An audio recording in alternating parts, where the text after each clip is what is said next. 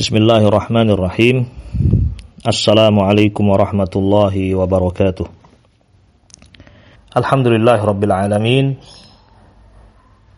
والصلاة والسلام على أشرف الأنبياء والمرسلين نبينا محمد وعلى آله وصحبه أجمعين أما بعد kaum muslimin dan muslimat para pendengar ayuhal mustami'un mustami'at. Di mana pun anda berada rahimani wa rahimakumullah semoga Allah merahmati kita semuanya pada kesempatan yang mulia ini marilah kita kembali saling mengingatkan tentang betapa besarnya nikmat iman yang Allah Subhanahu wa taala limpahkan kepada kita semuanya juga nikmat diutusnya Nabi Muhammad sallallahu Alaihi Wasallam kepada umat manusia.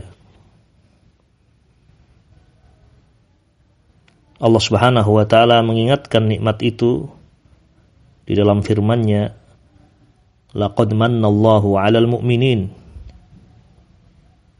idh ba'atha fihim rasulan minhum يتلو عليهم آياته ويزكيهم ويعلمهم الكتاب والحكمة وإن كانوا من قبل لفي ضلال مبين Sungguh Allah Subhanahu wa taala telah memberikan nikmat kepada kaum mukminin dengan diutusnya rasul di tengah-tengah mereka, rasul dari diri mereka sendiri yang senantiasa membacakan ayat-ayat Allah dan mensucikan manusia dari akhlak-akhlak yang buruk dengan akhlak-akhlak yang baik mengajari manusia Alkitab dan hikmah as-sunnah. Dan sungguh manusia sebelum itu benar-benar berada dalam kesesatan yang nyata dengan diutusnya Rasul alaihi salatu wassalam orang-orang yang beriman kepada Allah Subhanahu wa taala mengikuti jalan beliau. Ditolong oleh Allah Subhanahu wa taala. Sehingga keluar dari kegelapan-kegelapan menuju cahaya. Sebagaimana Allah Subhanahu wa taala firmankan dalam Al-Qur'anul Karim Allahu waliyul ladina amanu yukhrijuhum minadh dhulumati ilan nur. Allah Subhanahu wa taala adalah penolong bagi orang-orang yang beriman. Allah Subhanahu wa taala mengeluarkan mereka dari kegelapan-kegelapan menuju cahaya. Nah, mengeluarkan mereka dari kegelapan-kegelapan menuju cahaya. Ma'asyiral muslimin rahimani wa rahimakumullah. Pada kesempatan yang mulia ini kita akan melanjutkan insyaallah pembahasan iman kepada hari akhir. Masih terkait dengan azab kubur ya dan nikmat kubur. Yaitu tentang hikmah Allah Subhanahu wa taala menutup atas indera kita dari mendengar atau menyaksikan azab kubur. Demikian pula nikmat kubur. Apa hikmahnya? Nah, Allah Subhanahu wa taala ya menjadikan perkara-perkara yang terjadi di alam barzakh itu menjadi perkara yang gaib di antara hikmahnya yang pertama adalah ujian bagi manusia. Apakah mereka beriman kepada Allah Subhanahu wa taala atau tidak beriman? Apakah mereka mau mempercayai membenarkan sabda Nabi Ali Shallallahu Wasallam atau mengingkarinya? Akan diuji oleh Allah Subhanahu Wa Taala setiap manusia itu Iya. Telah kita dengar bersama ma'asyiral muslimin rahiman rahimakumullah. Bagaimana sahabat-sahabat Nabi ridwanullah alim ajma'in mereka demikian yakin dengan semua yang diberitakan oleh Nabi alaihi salatu wassalam. Tidak ada keraguan-raguan, tidak ada pengingkaran. Ketika Nabi alaihi salatu wassalam melewati dua kubur misalnya, marron Nabi alaihi salatu wassalam di qabrain, melewati dua kubur. Kemudian Nabi alaihi salatu wassalam mengatakan innahuma la yu'adzaban. Sungguh keduanya sedang diazab Sahabat Nabi Ridwanullah alim ajmain mendengarnya, meyakininya, dan tidak mengingkari apa yang disabdakan oleh Nabi Ali Shallallahu Wassalam. Itulah hikmah yang pertama, ma'asyiral muslimin. Rahimani wa rahimakumullah. Apakah seorang hamba beriman dan mempercayai berita-berita dari Nabi Ali Shallallahu Wasallam tentang perkara yang gaib atau tidak. Kemudian hikmah yang lain, ma'asyiral muslimin rahiman rahimakumullah. Manfaat yang kembali kepada mayit. Yaitu Allah subhanahu wa ta'ala menutup aib hambanya. Naam. Satrun lil mayyit atau sitrun lil mayyit. Naam. Kalau seandainya seorang mendengar saudaranya diazab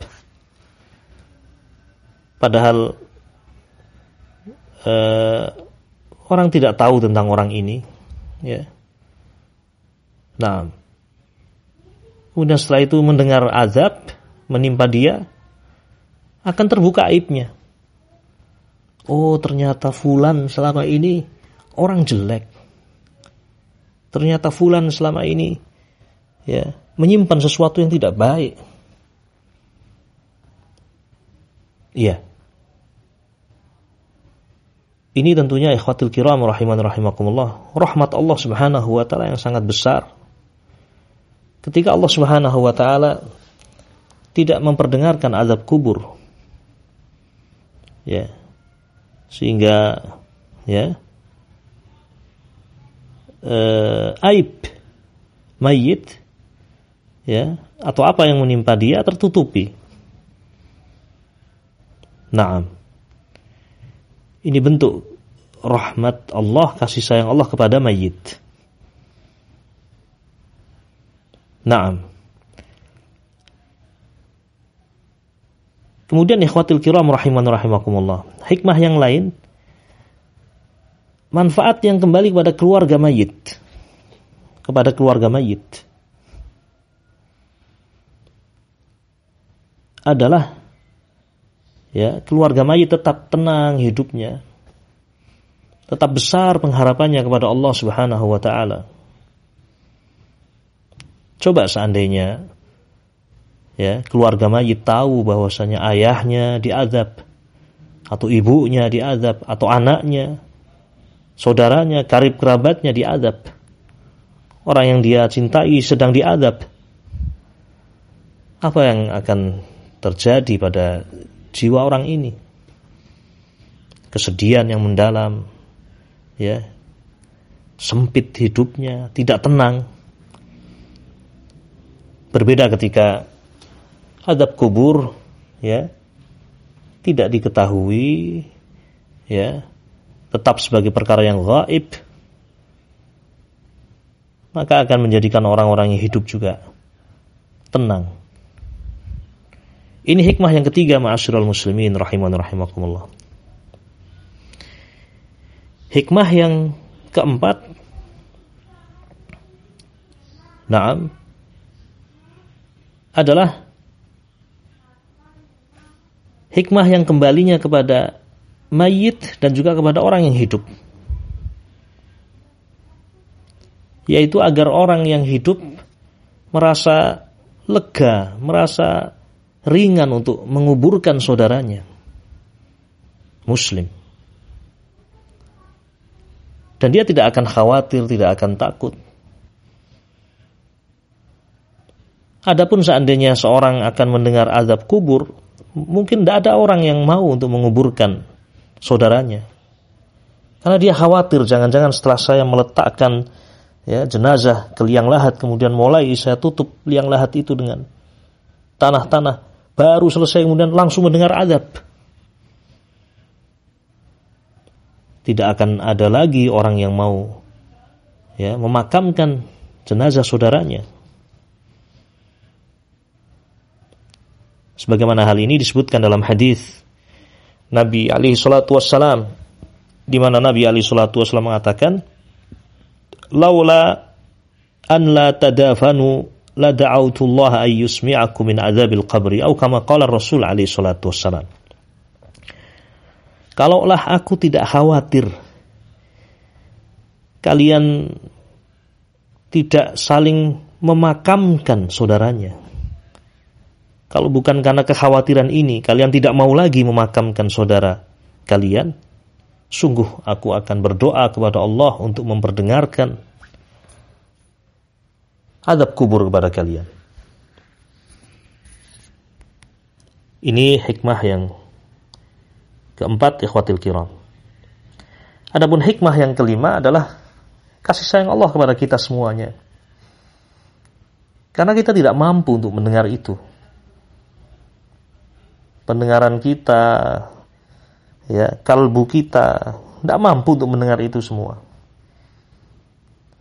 Mungkin kita akan mati ketika mendengar ya jeritan, rasa sakitnya, azab yang dirasakan oleh seorang di alam barzah.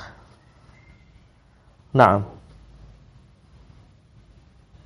hadis tadi yang kita baca Ya, sebagian ulama menafsirkan laula an la tadafanu. Kalau bukan karena aku khawatir kalian akan mati. Karena tidak mampu mendengar azab. Niscaya aku akan berdoa kepada Allah agar Allah Subhanahu wa taala memperdengarkan kepada kalian azab kubur. Ini ma'asyiral muslimin rahiman rahimakumullah.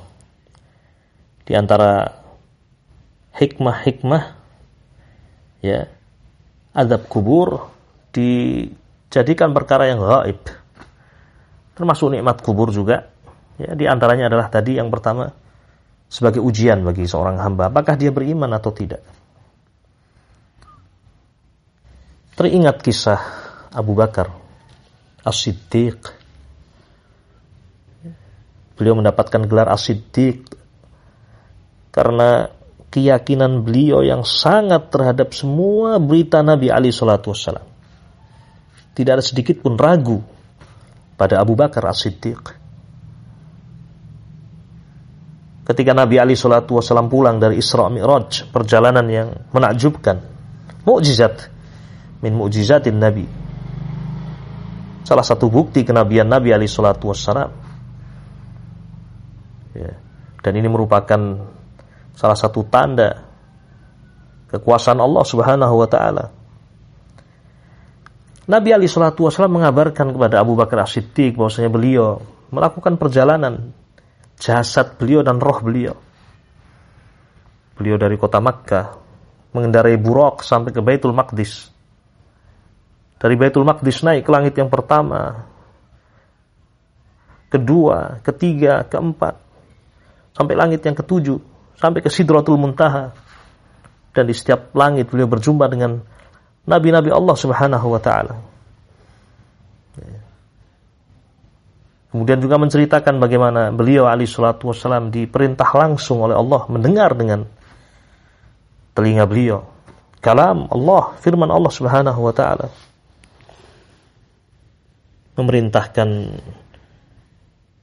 ibadah salat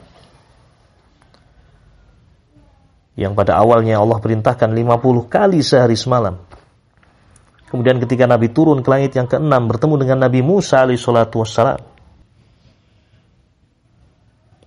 Nabi Musa meminta kepada Nabi alaihi salatu wassalam untuk kembali kepada Allah Subhanahu wa taala. Meminta untuk diringankan. Sampai kemudian diringankanlah sholat itu menjadi lima kali sehari semalam. Dan seterusnya dari kisah ya berita tentang Isra Mi'raj.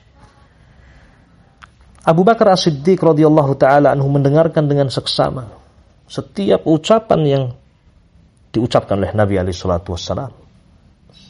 Dan beliau membenarkan semua yang beliau dengar tanpa sedikit pun rasa ragu. Tidak ada keraguan pada diri beliau. Ya, maka beliau mendapatkan gelar mada As-Siddiq. Nah, seperti itulah seharusnya seorang muslim ketika mendengar ya berita-berita Nabi Ali Shallallahu Wasallam termasuk nikmat kubur dan adab kubur. Ini kurang lebih masyarul muslimin rahiman rahimakumullah pembahasan yang terkait dengan hikmah ya eh, tidak ditampakkannya azab kubur ya atas kita semuanya. Nah, Ikhwatil kiram rahiman rahimakumullah. Masalah berikutnya ya, masalah yang kedua yang mari kita bahas pada halakoh kita kali ini yaitu pembahasan tentang asbab azabil qabri. Sebab-sebab seorang mendapatkan azab kubur. Nah, secara umum ya. Sebab azab kubur adalah ya semua kemaksiatan. Semua kemaksiatan ya berpotensi dan menjadi sebab seorang mendapatkan azab kubur. Sebagaimana Allah Subhanahu wa taala berfirman dalam Al-Qur'anul Karim di dalam surah Taha. Ya. Ayat yang ke-124. Allah Subhanahu wa taala berfirman an dzikri fa inna lahu ma'isyatan dhanka wa nahsyuruhu yaumal qiyamati a'ma Waman dan barang siapa a'rawa berpaling an zikri dari peringatanku. Berpaling dari perintah Allah. Ya. Dengan melakukan perkara yang haram atau meninggalkan apa yang Allah perintahkan. Siapa yang berpaling dari peringatanku, fa ma'isyatan dhanka. Maka sungguh bagi dia ma'isyatan wangka, kehidupan yang sempit. Dan sudah kita bahas pada pembahasan yang telah lalu, ma'isyatan wangka, ya, di antara eh, yang termasuk dari ma'isyatan wangka, kehidupan yang sempit adalah azab di alam barzakh. Maka dari ayat ini, ma'asyiral muslimin rahiman rahimakumullah, ya diambil satu buah kesimpulan bahwasanya berpaling dari perintah Allah Subhanahu wa taala dengan meninggalkannya. Ya. Atau melakukan apa yang Allah haramkan. Ya berpaling dari peringatan Allah menjadi sebab ya azab kubur. Ini secara umum ma'asyiral muslimin. Adapun secara khusus secara tafsil ya Rasul Ali Shallallahu Wasallam menyebutkan ya di dalam sabda-sabda beliau beberapa amalan. Ya beliau sebutkan amalan-amalan yang itu menjadi sebab seorang diadab oleh Allah Subhanahu wa taala. Yang pertama tentunya ma'asyiral muslimin rahiman rahimakumullah adalah al-kufur billahi azza wajal. Ya. Orang-orang kafir semuanya diadab oleh Allah Subhanahu wa taala. Al-Yahud wan Nasara, al-musyrikun. Orang yang mati di atas kekufuran maka kekufuran kepada Allah adalah sebab azab kubur yang itu akan dia rasakan selama di alam barzah. Seperti apa yang menimpa Firaun Ya, sebagaimana Allah berfirman, "An-naru yu'raduna 'alaiha ghuduwa wa 'ashiyya." Wa yawma taqumu as-sa'atu adkhilu ala fir'auna ashaddal 'adzab. Dan neraka itu dihadapkan kepada mereka di pagi dan petang. Setiap pagi dan petang mereka menyaksikannya. Terus wa yawma taqumu as-sa'atu. Dan nanti pada hari ditegakkan hari kiamat adkhilu ala fir'aun asyaddal adab masukkanlah fir'aun ke dalam adab yang pedih. Ini sebab yang pertama ikhwatil kiram rahiman rahimakumullah. Al-kufru billah. Kekufuran. Ya masuk di dalamnya asyirkul akbar syirik besar an-nifaqul akbar ya kemunafikan nifak akbar nifak i'tiqadi masuk di dalamnya kekufuran kepada Allah Subhanahu wa taala. Kemudian sebab yang lain ya sebab yang kedua dan sebab yang ketiga adalah apa yang disebutkan dalam hadis Abdullah bin Abbas radhiyallahu taala anhuma yang telah kita baca sebelumnya. Yang kedua adalah adamul istitar minal baul atau adamul istinzah minal baul. Tidak menjaga diri dari kencing. Ya. Yeah. tidak menutupi aurat. Ya, ketika dia kencing. Maka di sini kita menasihatkan untuk diri kita pribadi dan seluruh kaum muslimin untuk berhati-hati dalam bab ini. Jangan meremehkan, jangan bermudah-mudah. Ya.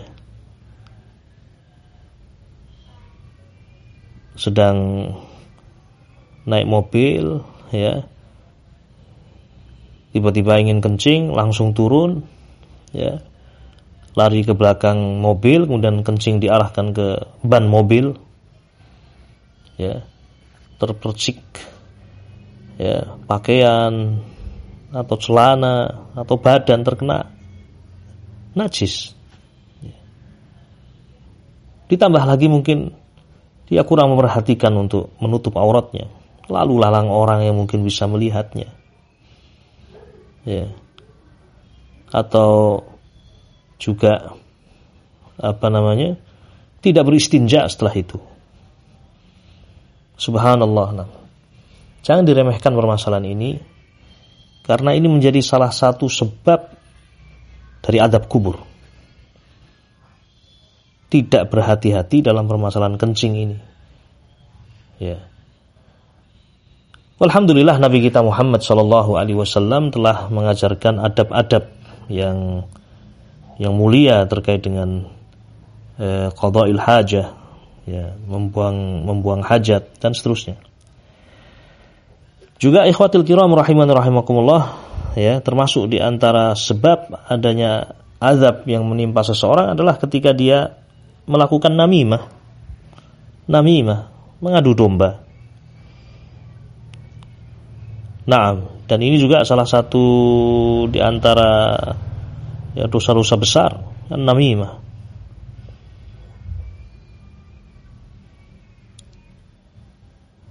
Sebab yang kedua dan yang ketiga ya sudah kita dengar hadisnya ya, ketika Nabi Ali Shallallahu Wasallam ya, bersama dengan para sahabat melewati dua kuburan. Nah, kemudian Nabi mengatakan innahuma la yu'adzaban, sungguh keduanya sedang diazab. Wa ma yu'adzabani fi kabirin dan tidaklah keduanya diazab karena sesuatu yang besar Bala innahu kabir. Itu sesuatu yang besar. yakni mereka diazab oleh Allah dengan sesuatu yang sesungguhnya mudah untuk ditinggalkan. Namun mereka tidak meninggalkannya dan itu termasuk perkara yang besar. Nah,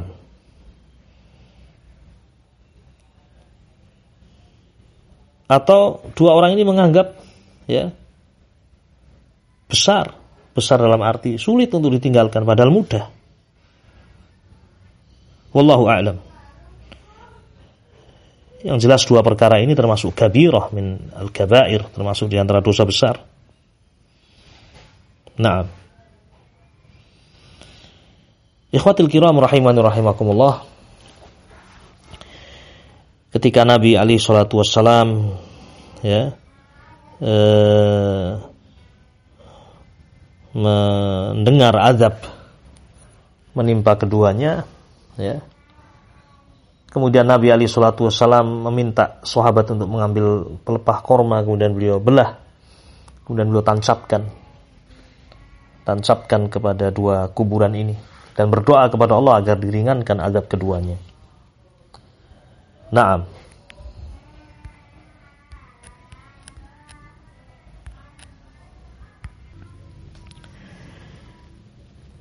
Ma'asyiral muslimin rahiman rahimakumullah. Sebab berikutnya di antara sebab-sebab azab kubur adalah seorang yang dia memakai pakaian ya laki-laki yang memakai pakaian menjulur melampaui mata kaki karena sombong. Ya.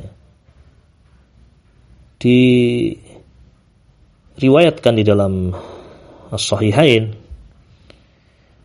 Rasul Ali Shallallahu Wasallam bersabda, "Bainama rojulun yajurru izarahu idh khusifa bihi fahuwa yatajaljalu bihi yaumal qiyamah." Nabi Ali Shallallahu Wasallam beliau bersabda, "Bainama rojulun yajurru izarahu" ketika seorang laki-laki berjalan yajurru izarahu ya, menarik pakaiannya melampaui mata kaki minal khuyala karena kesombongan. Khusifa bihi maka orang ini pun ditenggelamkan ke dalam bumi. Fahuwa yatajaljalu fil ard maka dia pun berbolak-balik di dalam bumi yakni diadab ila yaumil qiyamah sampai hari kiamat Naam. Hadis ini menunjukkan ya, hadis ini menunjukkan eh, bahwasanya mereka ini ikhwatil kiram rahimani rahimakumullah atau orang ini diadab oleh Allah Subhanahu wa taala dengan sebab eh, dia memakai pakaian yang menjulur dan melampaui kedua mata kakinya. Wallahu a'lam. Sebab berikutnya ma'asyiral muslimin rahiman rahimakumullah. Sebab yang keempat adalah al-ghulul minal ghanimah. Al-ghulul yakni mencuri al-ghanimah harta rampasan perang. Naam. Belum dibagi oleh uh, al-hakim atau belum dibagi oleh yang berhak untuk membagi. Namun dia sudah mengambilnya. Mencurinya. Nah sebagaimana disebutkan dalam hadis Abu Hurairah radhiyallahu taala anhu.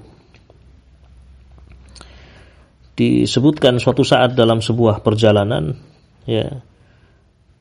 Naam. Dalam perjalanan jihad demikian Nabi beserta para sahabat berjalan. Ya. Ada orang di dekat Rasul Ali Shallallahu Wasallam atau di depan, ya, berjalan juga. Tiba-tiba ada anak panah yang melesat tidak tahu dari arah mana mengenai orang ini. Maka dia pun mati. Faqala nas maka manusia ketika itu ketika menyaksikan orang ini meninggal mengatakan hani an lahul jannah. Sungguh berbahagia dia dengan jannah. Dengan surga. Faqala Nabi Ali salatu wassalam tiba-tiba Nabi mengatakan ya tentunya ini wahyu dari Allah. La walladhi nafsi biyadihi inna syamlata allati akhadhaha yawma khaybar lam tusibhal maqasim la tushta'allu alaihi nara. Atau kama qala Rasul alaihi salatu wasalam tidak demi Allah tidak demi zat yang jiwaku di tangannya. Sungguh asyamlah ya, barang yang remeh ya yang dia curi dari perang Khaybar. Padahal belum dibagi. Apa yang dia curi yang sedikit itu? Saat ini dinyalakan api dan dia diadab dengan itu. Sehingga dari hadis ini diambil satu faedah tentang ya haramnya gulul dan ini termasuk kabair, termasuk dosa besar. Mencuri harta rampasan perang nah sebelum dibagi. Ini barangkali sedikit yang bisa kita sampaikan. Ya, mudah-mudahan berfaedah dan bermanfaat untuk kita semuanya. Wasallam ala nabiyyina Muhammad wa ala alihi wa ashabi ajma'in. Subhanakallahumma wa bihamdika asyhadu an la ilaha illa anta astaghfiruka wa atubu ilaik. Assalamualaikum warahmatullahi wabarakatuh.